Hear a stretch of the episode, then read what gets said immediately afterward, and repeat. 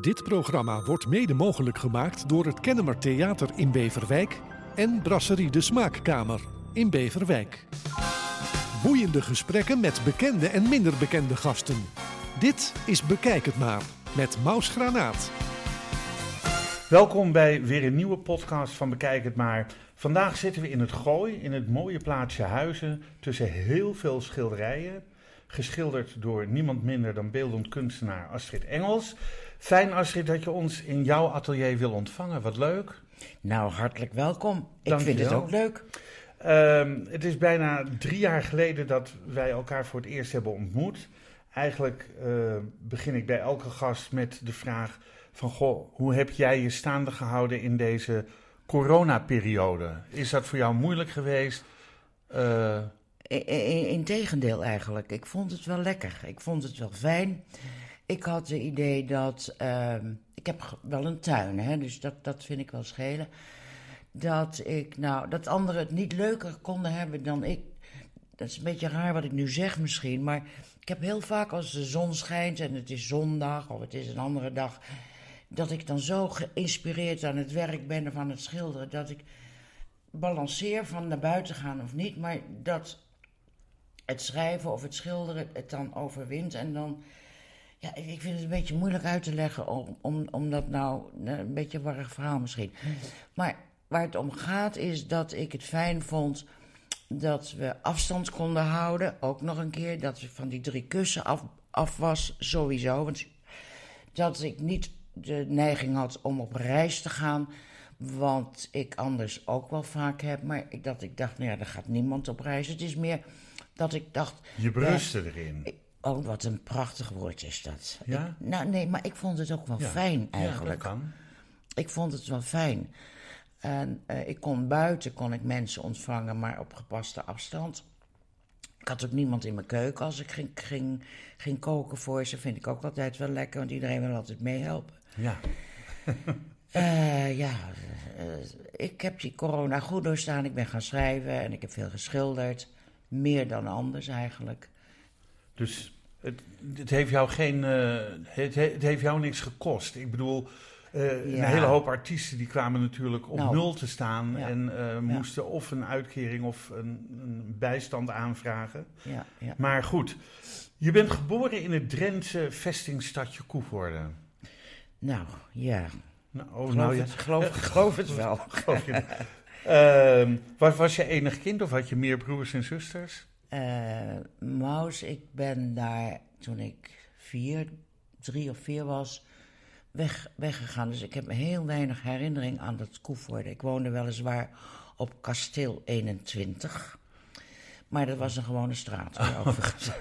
De straat heette Kasteel. Ja, daar, daar was een groot kasteel achter. Oké, dus daar ooit. ontkend. Ja. Ah. Maar eh, broers en zusters? Ik heb nog een zusje, Ja. dat is Marijke. Maar we hebben elkaar nauwelijks gekend in het begin, want mijn vader heeft mijn zusje gehouden en mijn moeder heeft mij meegenomen. Oh, jouw ouders zijn uit elkaar Ja, gegaan. ja, ja. En was dat een trauma voor jou? Of? Ja, ik was pas drie, Ja, maar ja, goed. vier misschien. Als je dan naar school gaat en alle kinderen hebben dan twee ouders en jij hebt dan alleen maar een mama. Nou, dan wordt het nog erger. Maar Oh. ik wilde niet mee koketteren, maar ik ben op kostschool gezet bij de nonnen Oké. in Bloemendaal. In Bloemendaal, vlak, eh, vlak bij ons. Ja, Ehm, ben- je hebt eh, een zusje, maar ben jij de enige die deze creatieve kant op is gegaan? Eh, ja. Of waren ze thuis allemaal wel creatief? Wat deed je vader? Mijn vader was, die deed iets in verzekeringen, maar ik heb daar geen contact mee gehad eigenlijk. Ik heb eigenlijk nooit een vader gehad. Oh. Oh. Ja, nee, ja, oh, ja. Ja, nou, ik ben toch groot geworden zonder een vader, die Ja. er wel was, maar die zich niet echt om mij heeft bekommerd. Nou ja, beter dan geen vader dan een slechte vader. Eh, Of is dat... Ja, ja, ja. Heb je een vaderfiguur gemist in je leven? Nou, als je niet weet dat, je, dat er eentje bestaat, niet. Ik had de nonnen daarentegen en daar had ik ook niet zoveel aan, want die zijn ook behoorlijk harteloos met z'n allen. Maar ik ben toch wel groot geworden. Nou, je hebt eh, een studie eh, ben je gaan doen. Volgens mij was het Italiaans gaan studeren. Ja, En eh, heb, je, heb je Italiaans afgemaakt? Nee, De studie? ik ben in Italië gaan werken. Ik heb Italiaans gedaan na mijn lyceumtijd. Mhm. En Egyptologie. Dat zat er altijd al in. De, die, dat, dat kan ik, misschien is het leuk om dat te vertellen. Hoe, Vertel. Ik, ja. ik heb me daar vaak over verwonderd. Waarom ik ehm, zo, zo ge, geobsedeerd, nou, Gebiologeerd. gebiologeerd ben op die oude culturen allemaal. Maar ik kan je vertellen dat ik het nu al weet. En dat is eruit gekomen na een interview met meneer Rick Velderhof. Die vroeg daar ook naar. En toen vertelde ik over mijn jeugd. En over, het is toch een eenzame jeugd geweest, hè, zonder liefde bij die nonnen. ja. En het moment dat eh, mijn moeder mij bij zuster Constance, ik vergeet die naam nimmer meer, afleverde, moest ik eh, door een hele lange gang lopen op die kostschool. En daar hingen, eh, la, er waren kleine kapstokjes, laag, maar daarboven hingen allemaal eh, posters, zeg maar, van onze lieve Heer in de wolken met zijn armen wijd en Maria met blauwe dingen à la Jomanda. Maar ook een heleboel bijbelse figuren, onder andere de farao die door de Rode Zee trok en dan hè, Mozes daarvoor en dan ging die zee weer dicht en dat vond ik zo fascinerend. En ik denk dat als compensatie voor, voor het geen liefde hebben. En, ja, daar bij die nonnen ben ik heel veel gaan lezen. Ik was toen zes. eh, in de Bijbel. Daar kan, ons kom je ook niet aan als je trouwens daar op zo'n katholieke zeggen, kostschool wat zit. hebben ze anders voor boeken? Ja. Maar dat hele katholieke prentenkabinet. Al die heiligen en martelaren en, en de verhalen uit de Bijbel. En die, die grote gemene God die iedereen strafte. En, ja, dat heeft mij eigenlijk gebracht naar mijn interesse in oude culturen. En daar heb je ook nog een, een soort of opleiding voor gedaan. Ja, ja ik heb eh, wat e- Egyptologie Oh ja, Egyptologie, bij- ja. ja. en, en dat Italiaans heb ik na mijn studie gedaan. Eh, in Utrecht woonde ik toen, had ik een stiefvader. Spreek je ook Italiaans? Of niet? Sì, parlo italiano, se, se quiero, se, se voglio. Parliamo italiano insieme. Oké, ja, nou heel mooi. Eh, ik niet. Ah, ah, peccato, peccato, peccato. Dat is jammer Maar ik, zeker. ik heb er alleen bij de Italiaan hier wat aan hoor. Als ik eens een pizza of zo moet bestellen. wat moet je ermee? Maar goed, je hebt het wel geleerd en het zit nog in je hoofd. Ehm, eigenlijk, eigenlijk was je al heel vroeg een bekendheid, want ehm, toen je het muziekprogramma Fanclub eh, met F-E-N-K-L-U-P eh, presenteerde. eh, samen, nou ja, samen niet, maar volgens mij in afwisseling met Judith Bos, Jeroen Krabbe, Sonja Barend, Ati Dijkmeester. Dan deden jullie het programma Fanclub. Wat voor programma was dat en hoe maar- ben je daarbij gekomen? Ja, dan moet je even weer terug. Nog vroeger, daarvoor, was ik door een eh, buurvrouw. Ik, wij woonden op een flat, ik was inmiddels getrouwd. Moest trouwen. Was wel mijn grote liefde overigens. Tegenwoordig heet dat een liefdesbaby, maar toen heeft mijn moeder mij de deur uitgeschopt. En eh, toen heb ik meegedaan. eh, nee, toen heeft een buurvrouw mij ingeschreven voor een kennisquiz Ja.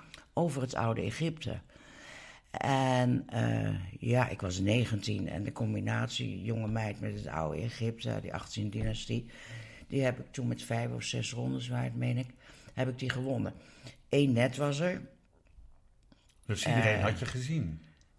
Dus iedereen die een tv Iedereen, had, ja, die, had, die heeft had dat gezien. Dus ja. ik was ineens van mijn vrouw, was ik Beroemd. eh, heel beroemd. En daardoor hebben ze mij gecast bij fanclub, Ralf Imbar. En toen, ja, ik werd ook niet gehinderd door enige kennis of, of gêne of wat dan ook. Ik vond Nee. het alleen maar prachtig. Dat is leuk. Ik heb een fotootje op internet gezien. Ik had je er niet uitgehaald hoor. Maar in een, in een, kook, een soort kokerrokje met een kooltruitje. En eh, ik denk, ja. nou Astrid, zou je het nog hebben, dacht ik. maar Ja, dat- jullie hadden wel, ja, ik bedoel, het, het was een programma dat wel, werd wel één keer in de maand op vrijdag uitgezonden. Was het zo? Ja, eh, dat, zo heb ik het gelezen.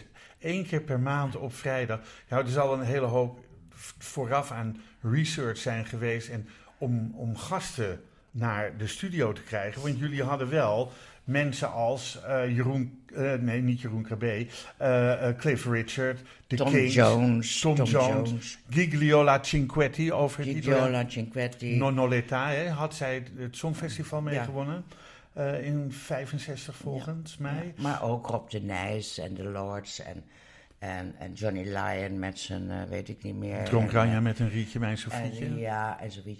En Esther en Amy Ofarim Oh. en, en een andere meneer die zei... Shame and Scandal in the Family, hoe heet ze die man ook alweer? Ja, ik ken het liedje wel.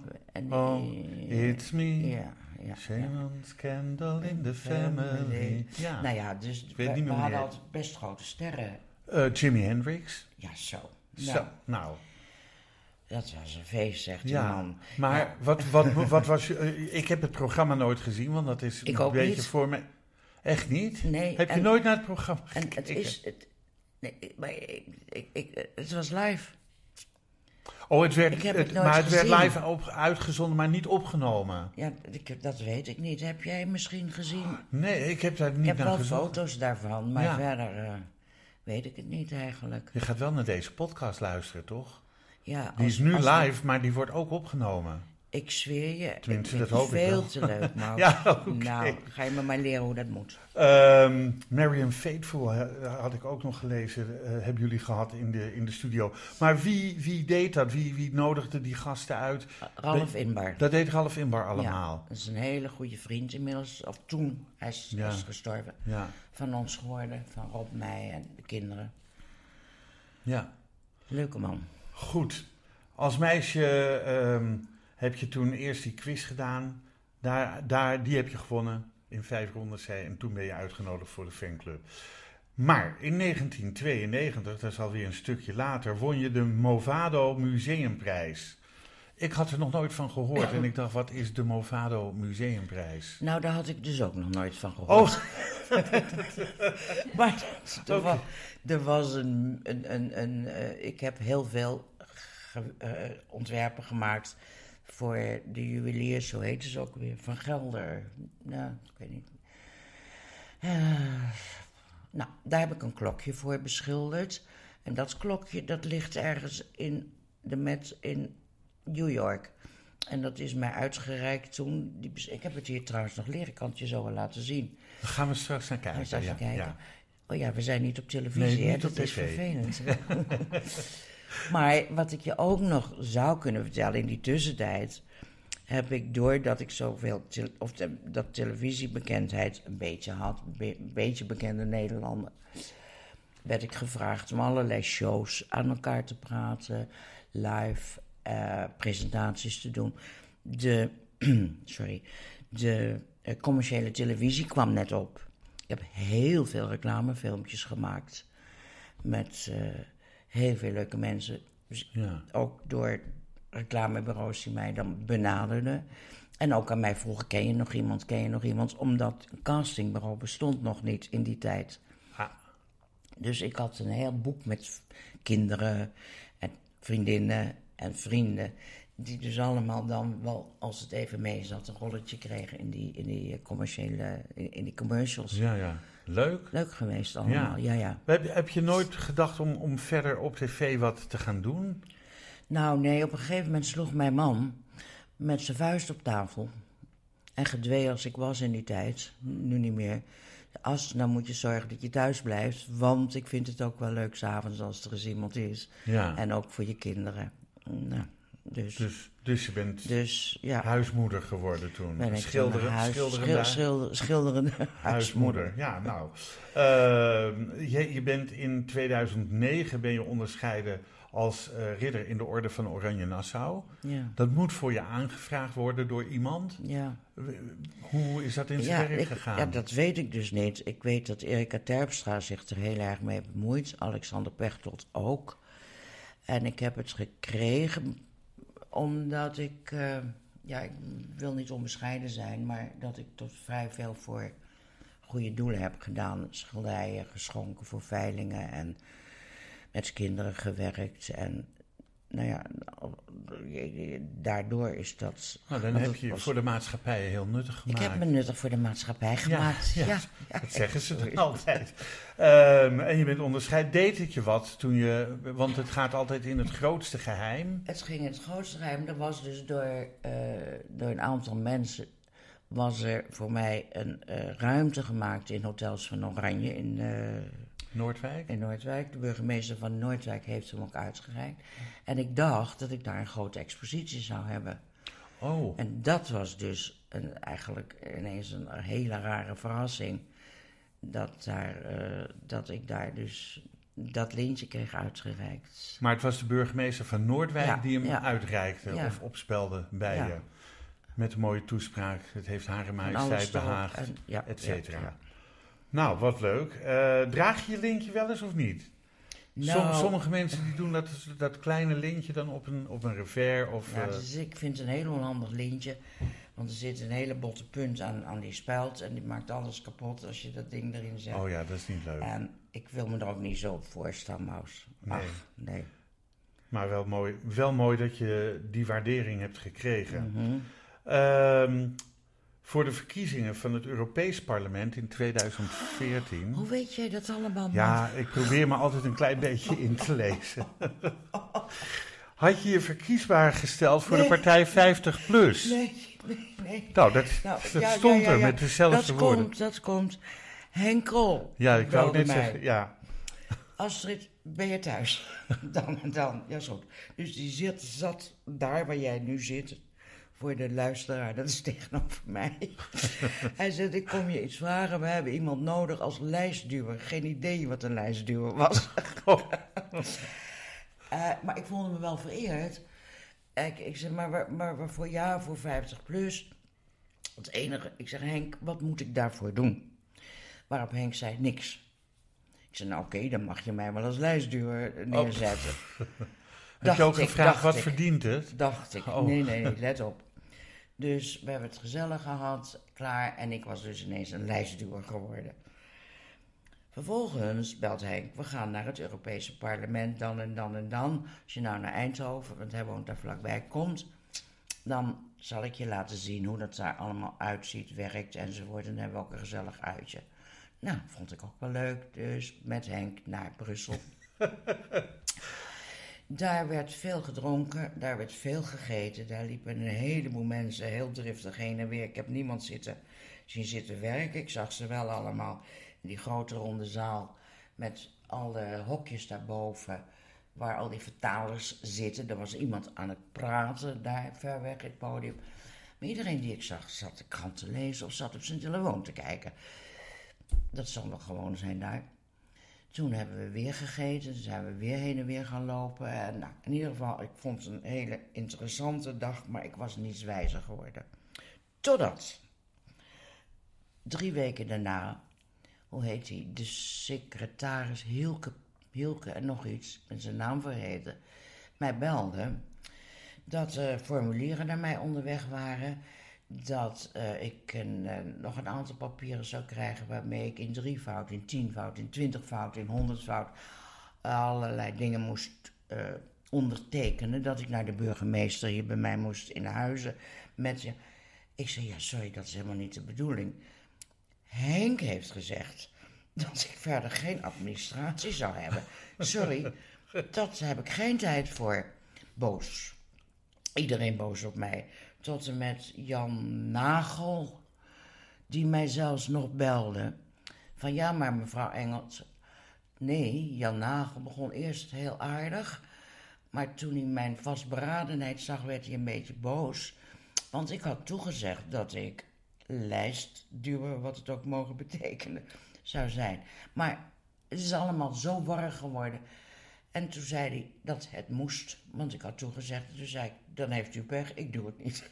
Ja. Dus ik weet niet wat er verder gebeurd is. Dus dat was gelijk einde politieke carrière. Het was einde mijn politieke carrière. Heb je überhaupt daarna nog politieke ambities gehad? Natuurlijk niet. Ja, Natuurlijk ik nog niet. Die heb ik toch niet. Oké. Nou, maar het komt door Henk. Hè. De, eh, Henk zei dat ik er niets voor hoefde te doen. Nou, maar, maar Henk maakt wel meer foutjes. Je meent Dat- het, ja, maar nee, hij is wel heel sympathiek. Ik zeg niet dat hij onsympathiek Nee. is, maar hij, ja, hij heeft wel... Ja, Maar goed, Ja. daar gaan we het niet over hebben. Nee. Eh, Dat was je politieke carrière. Maar inmiddels eh, heb je de pensioengerechtigde leeftijd bereikt. Maar je schildert nog steeds, je schrijft nog steeds. Je laat je niet leiden door de hedendaagse stromingen in de moderne kunst. Maar je eigenlijk probeer je eigen kenmerkende stijl nog steeds verder uit te bouwen. Ja, Maus. En nu?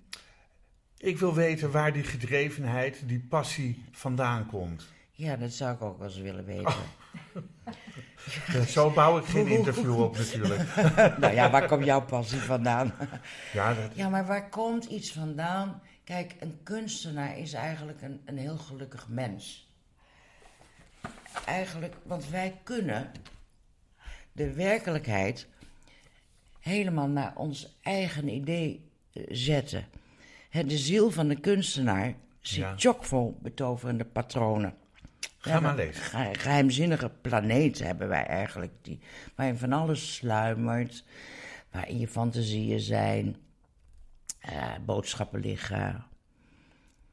En die geheime atmosfeer, dat patroon, die structuur van groei beheerst constant als kunstenaar, als je geïnspireerd bent.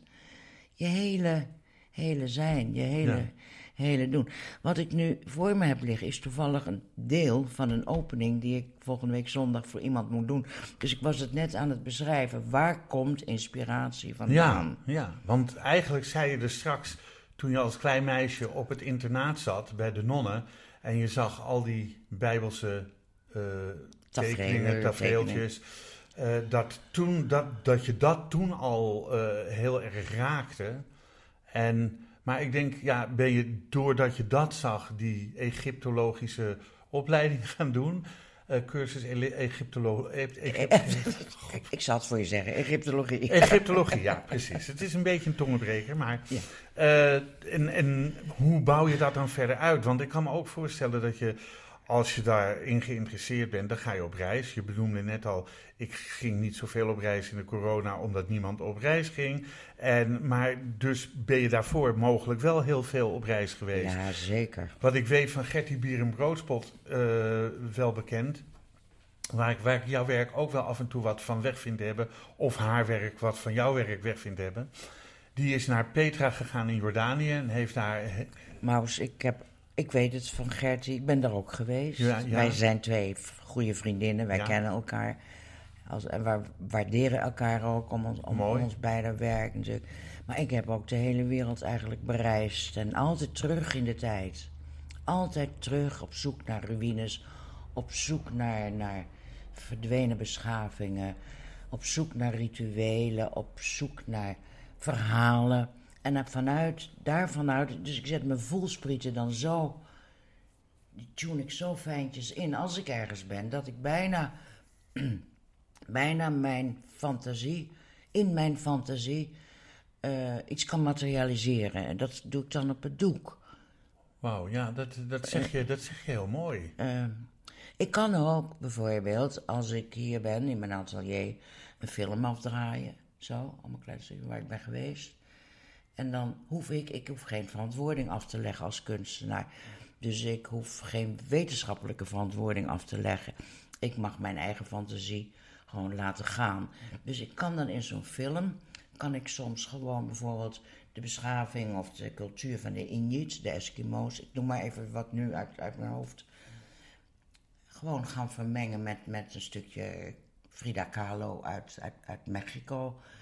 En zo ontstaan mijn schilderijen. Die ontstaan gewoon uit een mix van, van een bron, van een gemeenschappelijke bron, een universele bron, eh, eh, die, die er moet zijn geweest in vroegere tijden, waarin eh, ehm, mensen die nog niet wisten, bijvoorbeeld hoe de natuur werkte en wat de wetten waren daarvan, de goden hebben geschapen.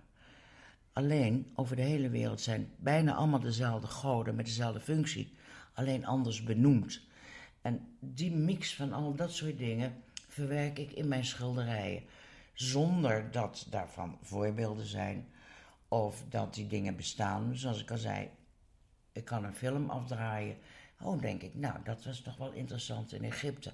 Oh, maar dat stukje uit Petra kan ik nog herinneren. Of die godin Diana, het schilderij wat je achter je staat, ben ik nu mee bezig. Godin van de jacht. Uh, ja, Maus. Ja. uh, maar ik zie ook op jouw schilderijen heel vaak hele stukken tekst staan.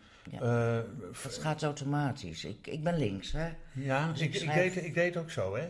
Oh, oh ja, ja. maar ik weet ook nooit wat links en rechts is, eerlijk gezegd. Dat is geeft in ja, nee, geeft niet. Uh, ik ben ook echt geobsedeerd door, door geschreven teksten die ik vaak op ruïnes zie, op dingen. En er zijn nog... We sturen raketten naar de maan. We lopen op de maan.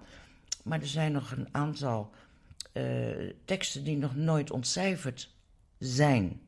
Het is toch heel raar dat, hm? dat men dat niet weet. Onder andere Minois, Minois B, meen ik.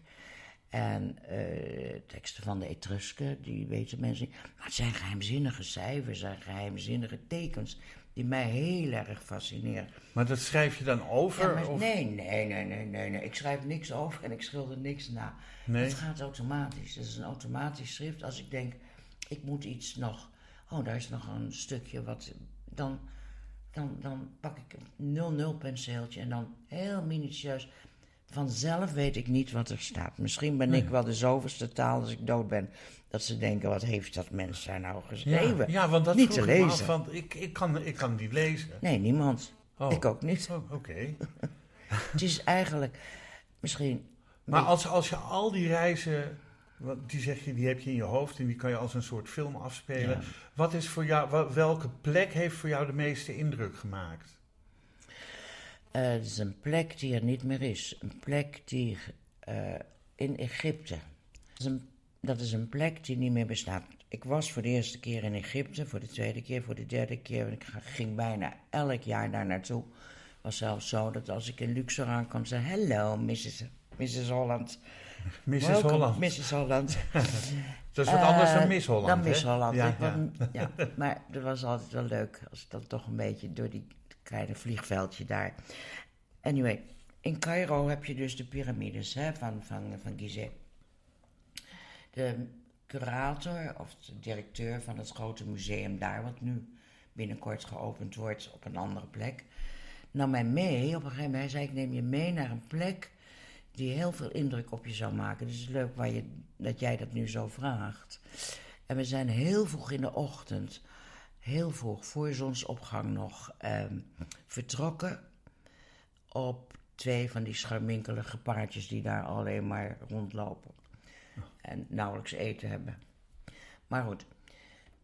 Uh, langs de Sphinx, langs, de, langs die grote driehoek, ik zie ze nog zo afgetekend in het donker tegen die lucht. Nog verder, nog verder. Alleen het gestamp van die hoefjes hoorde je in het zand.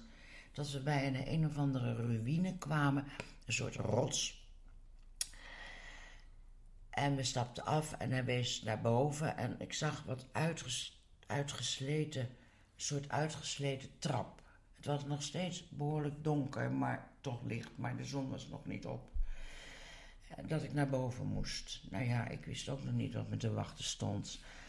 En uh, ik ben toen uh, heel voorzichtig treedje voor treedje omhoog gegaan. En toen kwam ik op een plateau. Een klein plateau wat uitstak. En op dat moment brak de zon door. Dus die scheen mij, heel spannend, zo in mijn gezicht. Ik stond dus uitkijkend over de woestijn eigenlijk. En aan mijn voeten, herinner ik me nog, was een ronde uitsparing. En daarin lagen een paar dauwdruppeltjes die door die zon vervlogen. Dus als, als een soort diamantjes. Het was een heel magisch moment voor mij. En hoog in de lucht waren twee valken. En die valken, die, die, ja, die, die, die, die zweefden eigenlijk. bijna stilstaan, in de lucht. Ja, maar die zweefden heel, heel langzaam naar beneden toe. En dat moment, en ik, dus die zon in mijn gezicht, die valken en die drinkbak daar, of die bak eigenlijk daar. Ik weet niet hoe lang ik daar heb gestaan. Het was heel magisch. En ineens was ik weer beneden. Hoe lang? Misschien tien minuten, misschien een uur, ik weet niet. Zwijgend zijn wij weer op die paardjes eh, gestapt. Terug naar het oude paleis van Farouk. Dat is daar nu een heel duur hotel geworden. Langs al die hordes toeristen en die bussen die er allemaal weer stonden te ronken en, en alle dingen. En toen zaten we aan de koffie en toen zei hij, weet jij waar jij geweest bent? Zei ik, nee, maar van alles wat ik heb gezien in Egypte was dit zonder enige uh, uh, uh, tekening of zonder enige fresco of zonder enig beeld. Een van de meest Fascinerende plekken. raadselachtige, maar ook prachtige ervaringen. Toen zei hij wel, jij hebt gestaan. Dat kon hij als curator van het museum natuurlijk weten. Op de plek waar elke ochtend Farao Gefren de bouwer van de grote piramide, samen met zijn uh, priesters een offer bracht. En toen dacht ik aan die ronde bak. Die Ja, had ja, ja. Aan de zon, hè, aan Aardson of Amon, Horus. En die twee valken zijn jou niet voor niets verschenen. En die valk, de, de, de god van de zon, is, heeft een valkenkop. Een valkenkop. Oh, ja, en ja, Gefren, ja. als je beelden van hem ziet, heeft ook altijd een valk van achteren als bescherm, beschermer op zijn rug. Met vleugels heel beschermd. Enfin, dat was voor mij de mooiste plek waar ik ooit ben geweest. Niks van tierenlantijnen, niks van mummies, niks van sarcofagen. Dat. Ja. En ik ben heel vaak terug geweest naar die plek. En dat gaf me rust. En ik, ja, ik vond Maar het he- heb vrij- je- heb je ja, toen- nee, maar ik, ik, ik Ja, ben sorry, nog niet ja, klaar. nee. Bijna, maar misschien zitten we door de tijd heen. Nee hoor, nog niet. Tot een paar jaar geleden. En mijn plek er niet meer was. Er is een enorme rondweg gekomen. Dus dat is opgeofferd Dat aan- plekje is weg. Helemaal. plek is, ja, ja, ja, was, is verdwenen. Dat was een ongelofelijke teleurstelling. Dat is het eigenlijk. Maar de keren dat je terug was en die plek was er nog wel, ervoer je toen dezelfde magische momenten als de eerste keer. Nee, dat vraag je goed. Iets minder wel, omdat ik nou wist waar ik naartoe ging. Ja. En toen wist ik niet wat me te wachten stond Ja. eigenlijk. Ja. Dat is vaak. Maar zijn die valken nog een keer teruggekomen? Nee, Is dat nee. water in die kom nog geweest dat je Nee, dat hebt zien? nee, nee, nee, nee. Maar dan heb je een hele mooie ja, ervaring ja, meegemaakt. ja, ja, ja. Leuk heb je dat ergens getekend, geschilderd? Op een... Eh, ja, ik heb heel vaak heb ik eh Horus eh, de valkengod geschilderd. Daar.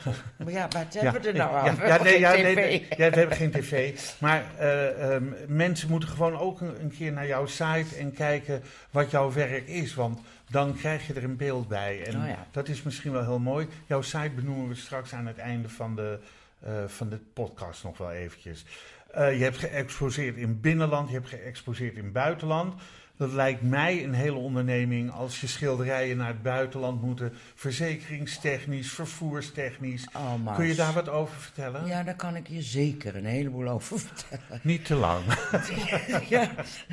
Nou ja, het is dus een heel gedoe. Als je, als je in het buitenland gaat exposeren, meestal doet de gallery dat voor je. Daar krijgen ze ook hun commissie voor, Ja. weer als je verkoopt. Maar ik heb eh, één keer, hebben ze me gebruikt, in het nette dan overigens. Eh, dat was een gallery in België. Die heeft mij gebruikt om, leuk, die wist dat hij failliet zou gaan. Al mijn schilderijen die daar hingen, heb ik, eh, gaan dan naar de curator. Die heeft de eerste, de Recht eerste van, recht eh, daarvan. Van de inkomsten. Ik heb nooit geld gehad. Dat is één. Sindsdien heb ik een verlengd eigendomscontract laten maken. Dat weet ik inmiddels. Maar verder, in eh, New York hingen mijn schilderijen. Zonder dat men mij daarvoor had, inge, had gevraagd, zijn mijn schilderijen toen naar Key West Maar, maar, maar gegaan. hoe, hoe kwamen jouw Ja. schilderijen daar dan van? Dat, dat is gewoon, dus, daar zijn dus eh, speciale kunstvervoersmethoden voor. Dat wordt door de galerieën geregeld. Ik hoef dat niet allemaal zelf te brengen. Ik moet er wel zijn bij de opening natuurlijk. Maar de verzekering en de hele transport en alles gebeurt via, eh, via eh, ja, vliegtuig, vrachtwagens, boot en de galeriehouder. Geen omkijken naar. Wordt hier opgehaald. Ja, en dan ehm, ga je daar naartoe. En dan Je bent bij de opening, opening, en je houdt een woordje en, eh, natuurlijk. En, allemaal Iedereen leuk. zegt, oh Astrid, mooi Astrid. In, in het vreemde taals natuurlijk. Ja, ja, in nice Astrid, beautiful Astrid. Ah, beautiful. Ja, ja. Ehm, maar goed, dan willen mensen het ook kopen natuurlijk. Tenminste, Ja. da- daar doe je Ja. het ook voor. Ja.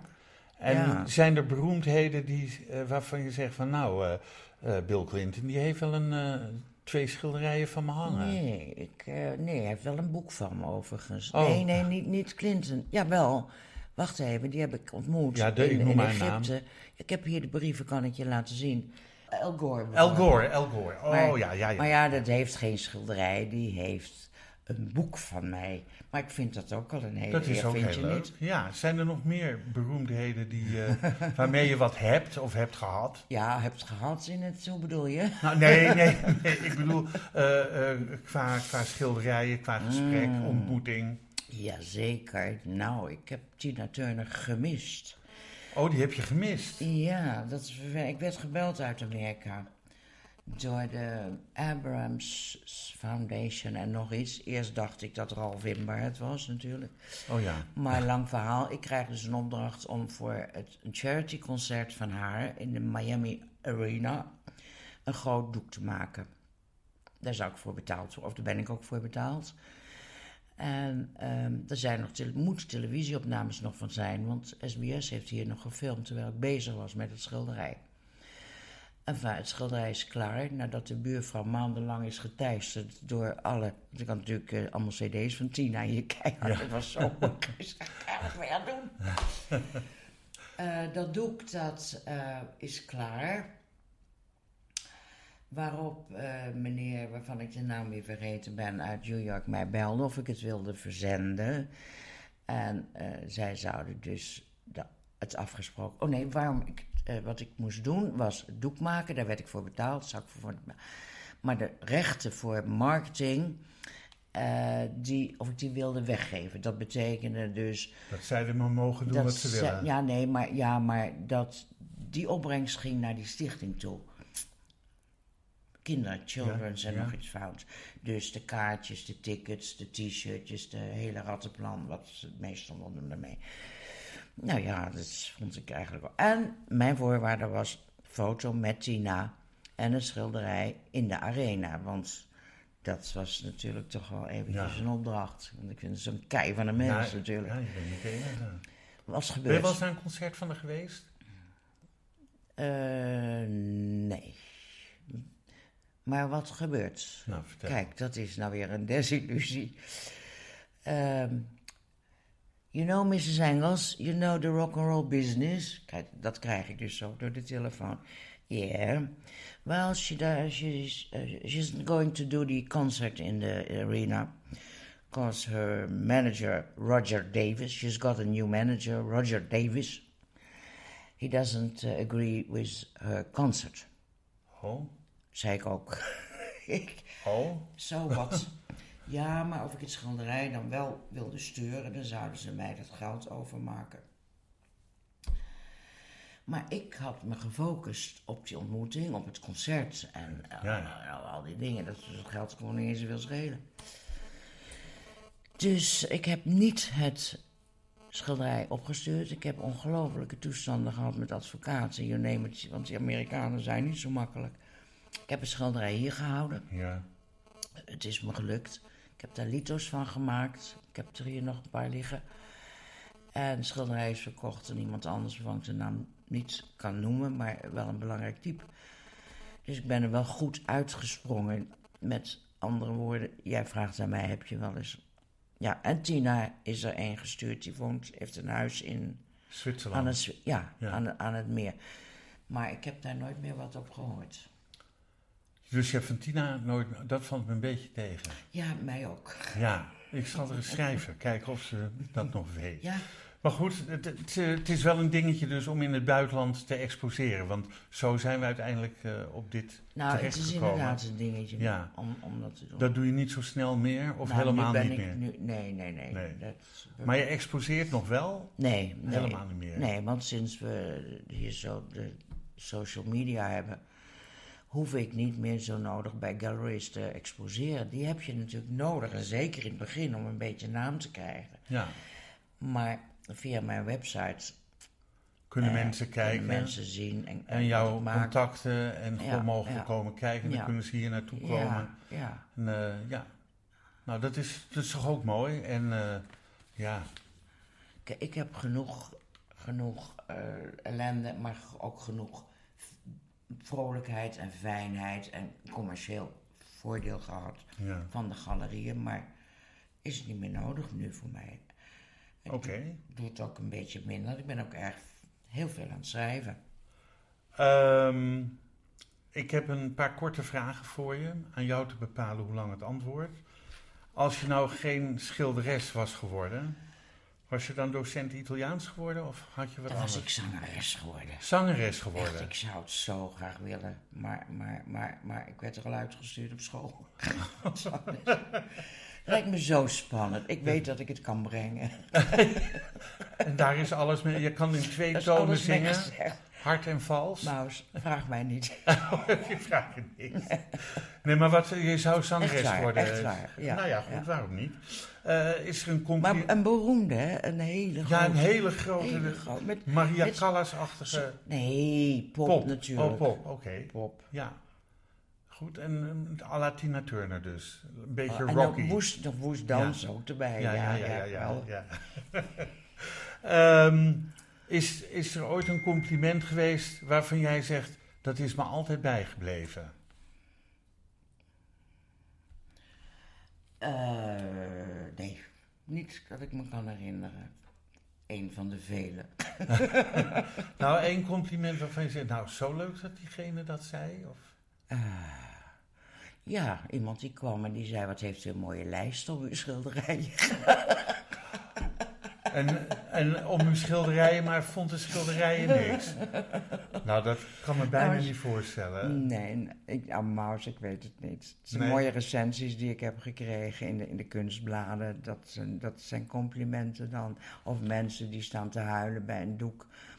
Dat ze het zo mooi vinden. Nou, dat vind ik al complimenten. Ja, dat zijn Ja. toch complimenten? Ja, zeker. Ja, ja, zeker. ja, ja. Met welke karaktertrek kun jij een ander tot wanhoop drijven?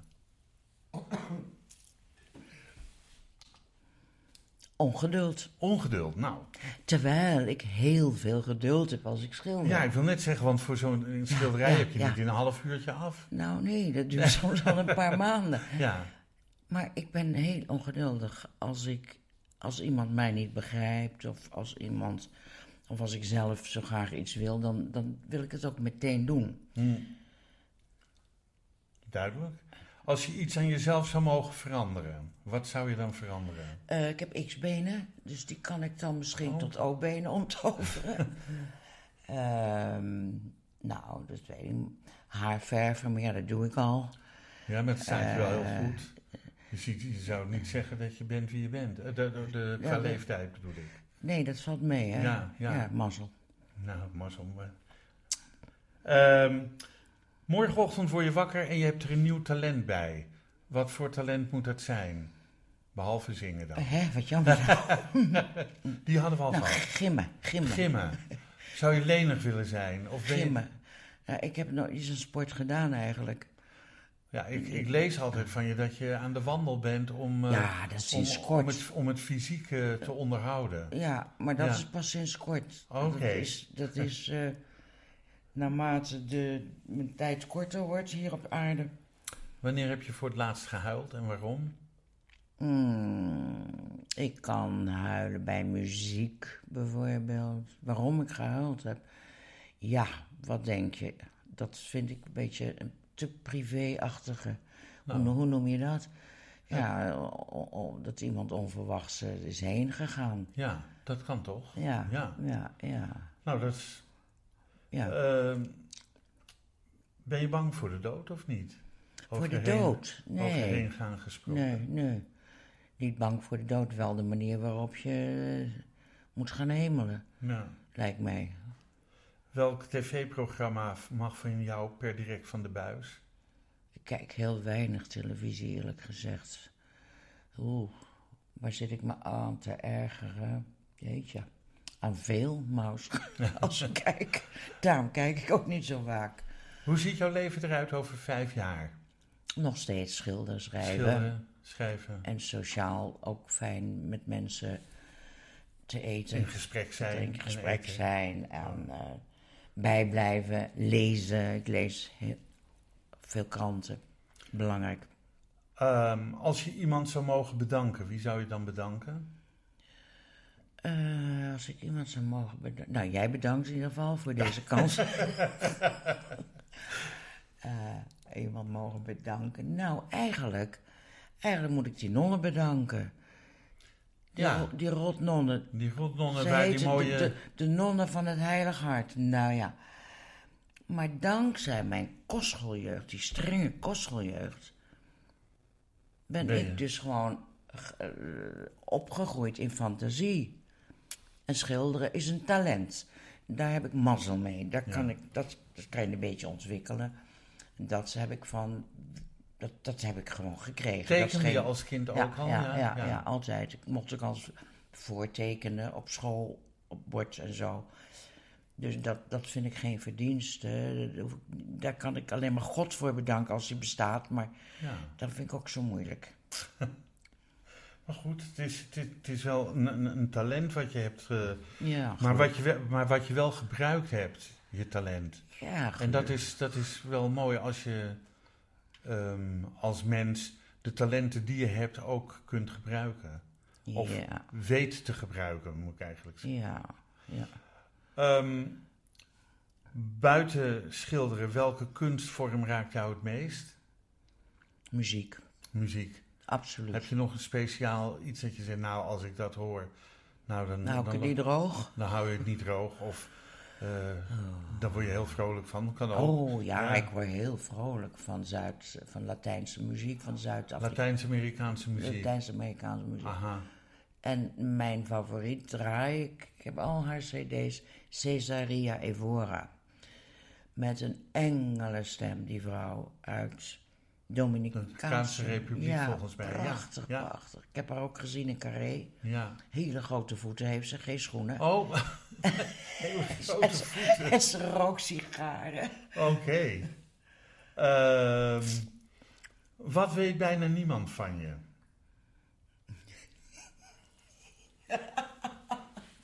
Dat hou ik zo. Dat hou je zo. Oké. Ik denk, misschien Er kan lag ik... me iets op het puntje van mijn tong.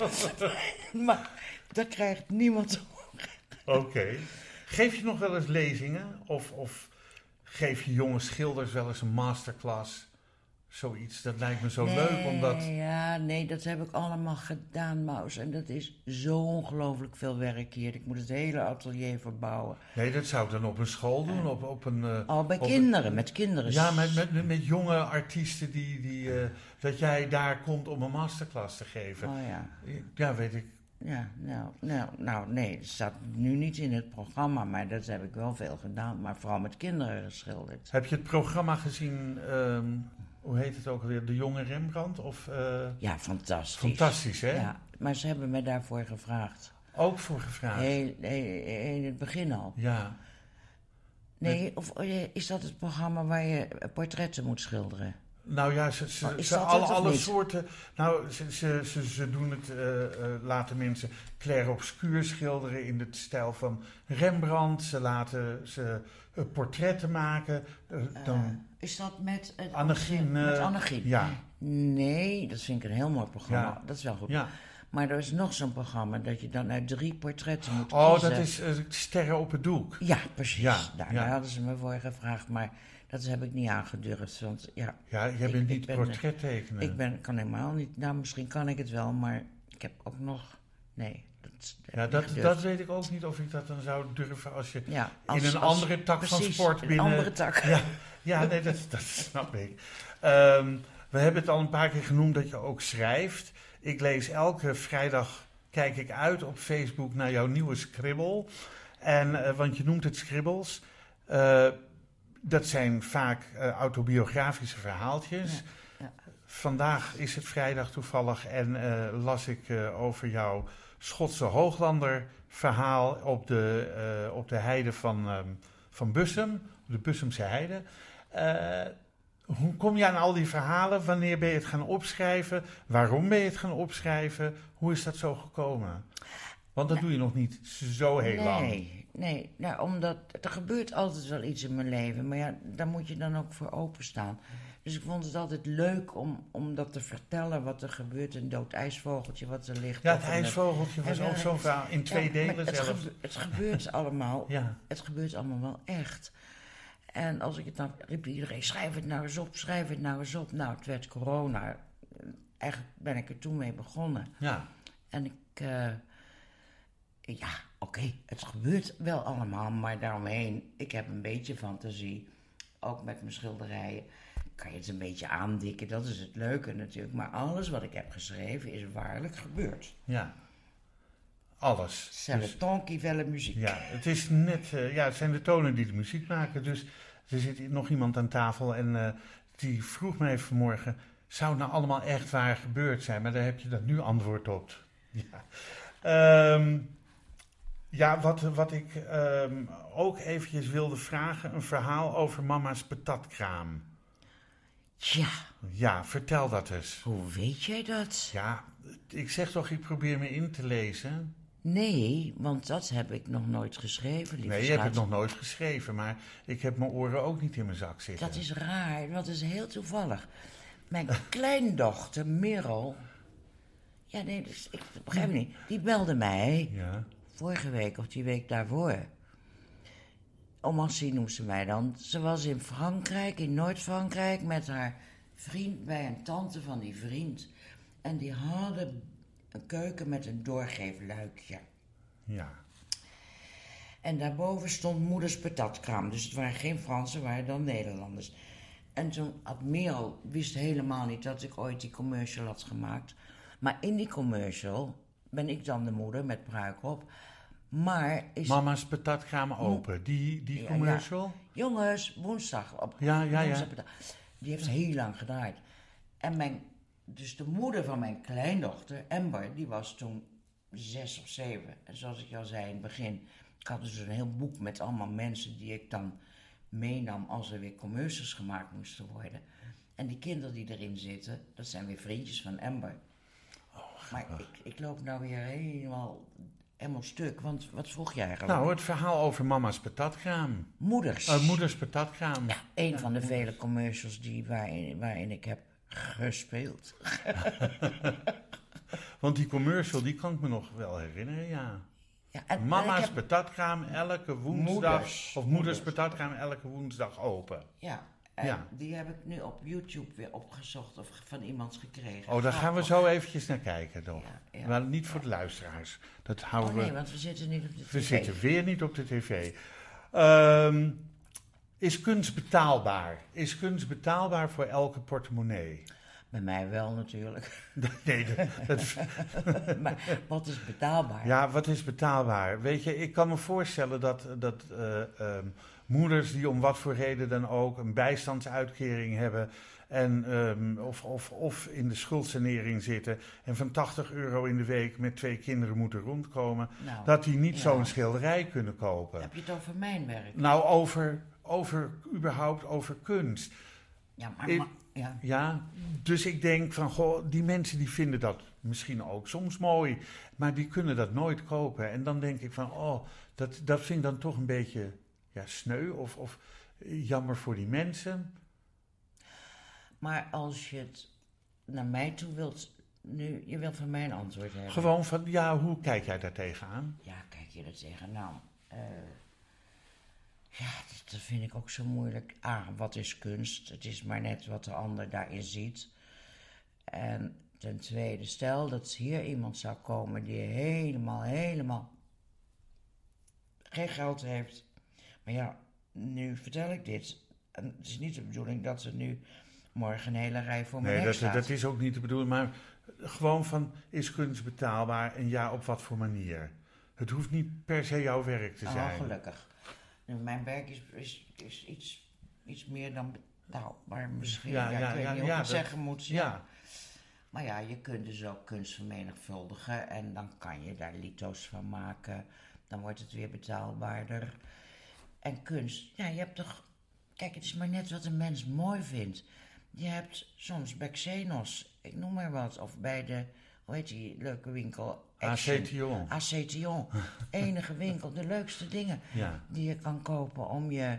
Je hebt bij de Ikea mooie posters en dingetjes, dus... Ja, maar dat vind ik dan, dat is geen kunst. Ja, maar waarom moet het kunst heten? Wie, wie, Wie bepaalt wat wie kunst be- is? bepaalt dat? Ja, Wat jij mooi vindt. En je kunt het betalen en je kunt het... Dan, dan zou ik zeggen, koop het. Maar kunst hangt wel altijd onderaan eigenlijk. En als je het over een bijstandsmoeder hebt... Ja, ik denk dat hij hele andere ideeën aan de koppie heeft... dan dat ze kunst eh, gaat kopen. ja, die moet eerst zorgen dat de kindjes te eten en te kleden hebben. ja. Kunst is een, is een toegevoegde waarde, kan dat zijn, maar niet een eerste voorwaarde eh, om, Geen levensvoorwaarde. Om, om, om, om van te leven. Nee. Oh, dat, dat vind ik mooi. Je hebt, heb je mooi gezegd. Ja. ja. Heb je zelf wensen nog die je zou willen verwezenlijken? Ja, zangeres worden, maar ja. Ja, nee.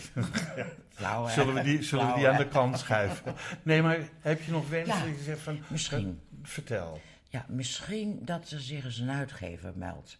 Het lijkt me leuk. Voor, nou, nou, meld niet. Kijk, de, de, ze Nee, niet bij je aankloppen. Nee, Nee, je moet, je moet, je, je, je moet niks.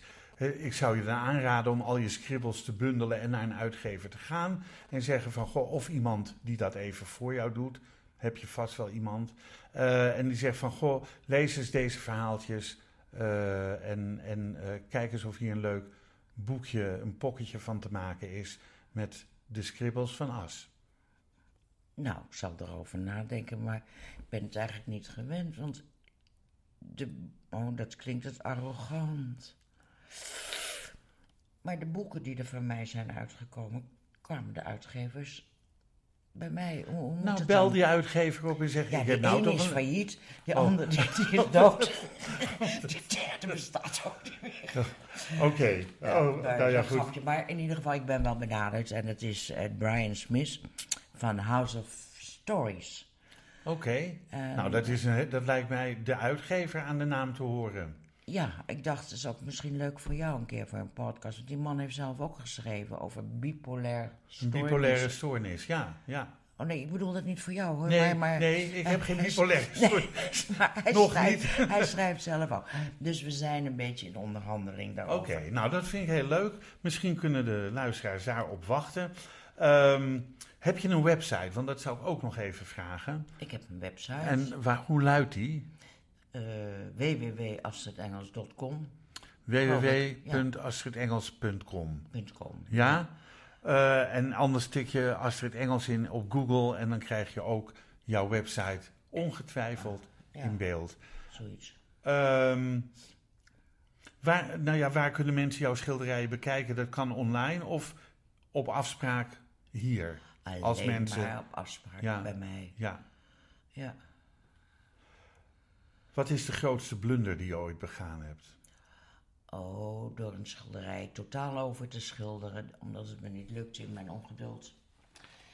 En dat die meneer zo ongelooflijk kwaad was. Waarop ik zei, ja, maar je kan toch een ander van me kopen? ja, maar ik haast al jaren op dat doek en heb je het helemaal grijs gemaakt. Een man blunder. Ja. Ehm, wil je zelf nog wat kwijt? Wat, hoe bedoel je? nou ja, dat- je denkt van nou Maus, daar heb je het niet over gehad. Ik vind dat je je waanzinnig goed hebt voorbereid, Maus. Je wist meer dan ik. Oh, Over fanclub en over dingen, allemaal. moeders patatkraam. Moet eens- Ja, Ja. nee, ik vind het wel leuk om een scribble voor te mogen lezen, misschien als... Heb als je er eentje? Ja, daar hebben we nog net een 2,5 minuut voor. Had Of drie minuten. Nee, wacht, eh, we pakken er even een schribbel bij. Hoe heet de schribbel? Piemels.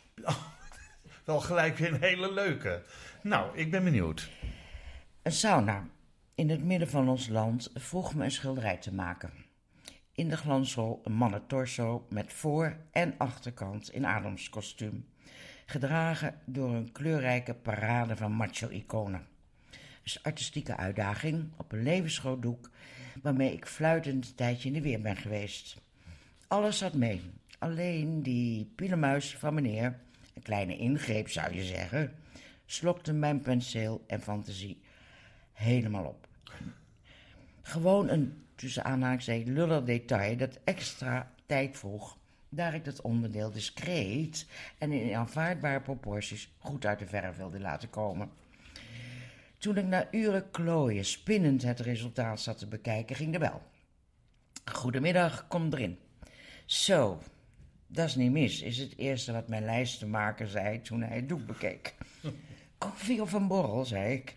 Het laatste graag, waarop hij richting het schilderij stiefelde. Vervolgens deed hij een stapje naar voren een stapje naar achteren, kruiste zijn armen, liep langzaam weer naar voren, drukte zijn neus, neus zowat door het doek heen om de geschilderde plassen op kruishoogte te bestuderen. Dan voorzichtig. As, is hij ziek? Hoezo reageer ik met opgestoken veren? Nou, mompelt hij aarzelend, die rare rode vlekken daar bij zijn piemel en ernaast. Ach man, bits ik, artist impression, weet je wel. Ruimhartig bood hij ter plekke aan model te staan voor een meer naturalistische invulling, hetgeen ik beleefd heb geweigerd. Dat schept mij te veel verbeeldingen.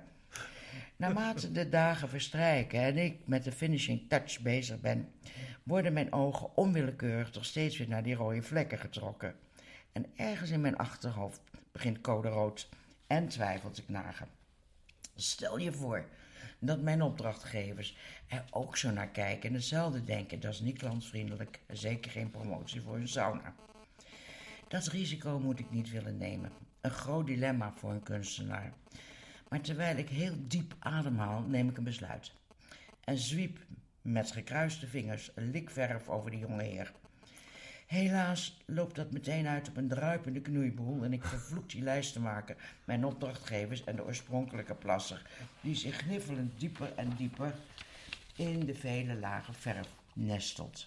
Stampvoetend modder ik door, tot er tegen het hols van de nacht opeens een briljante gedachte opflitst.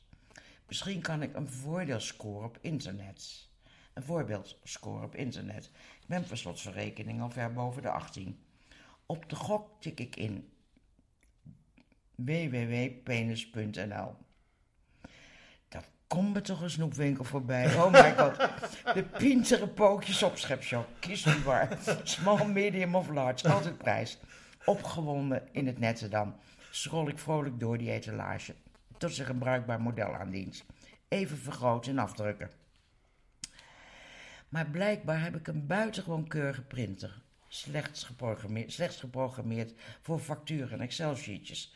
Hij doet het niet en is duidelijk in de war, om niet te zeggen in shock over zoveel kleurrijke pielemannetjes. Ondanks talloze malen ongeduldig aandringen en drukken op kopiëren, weigert het apparaat vastberaden mee te werken aan dergelijke frivoliteiten.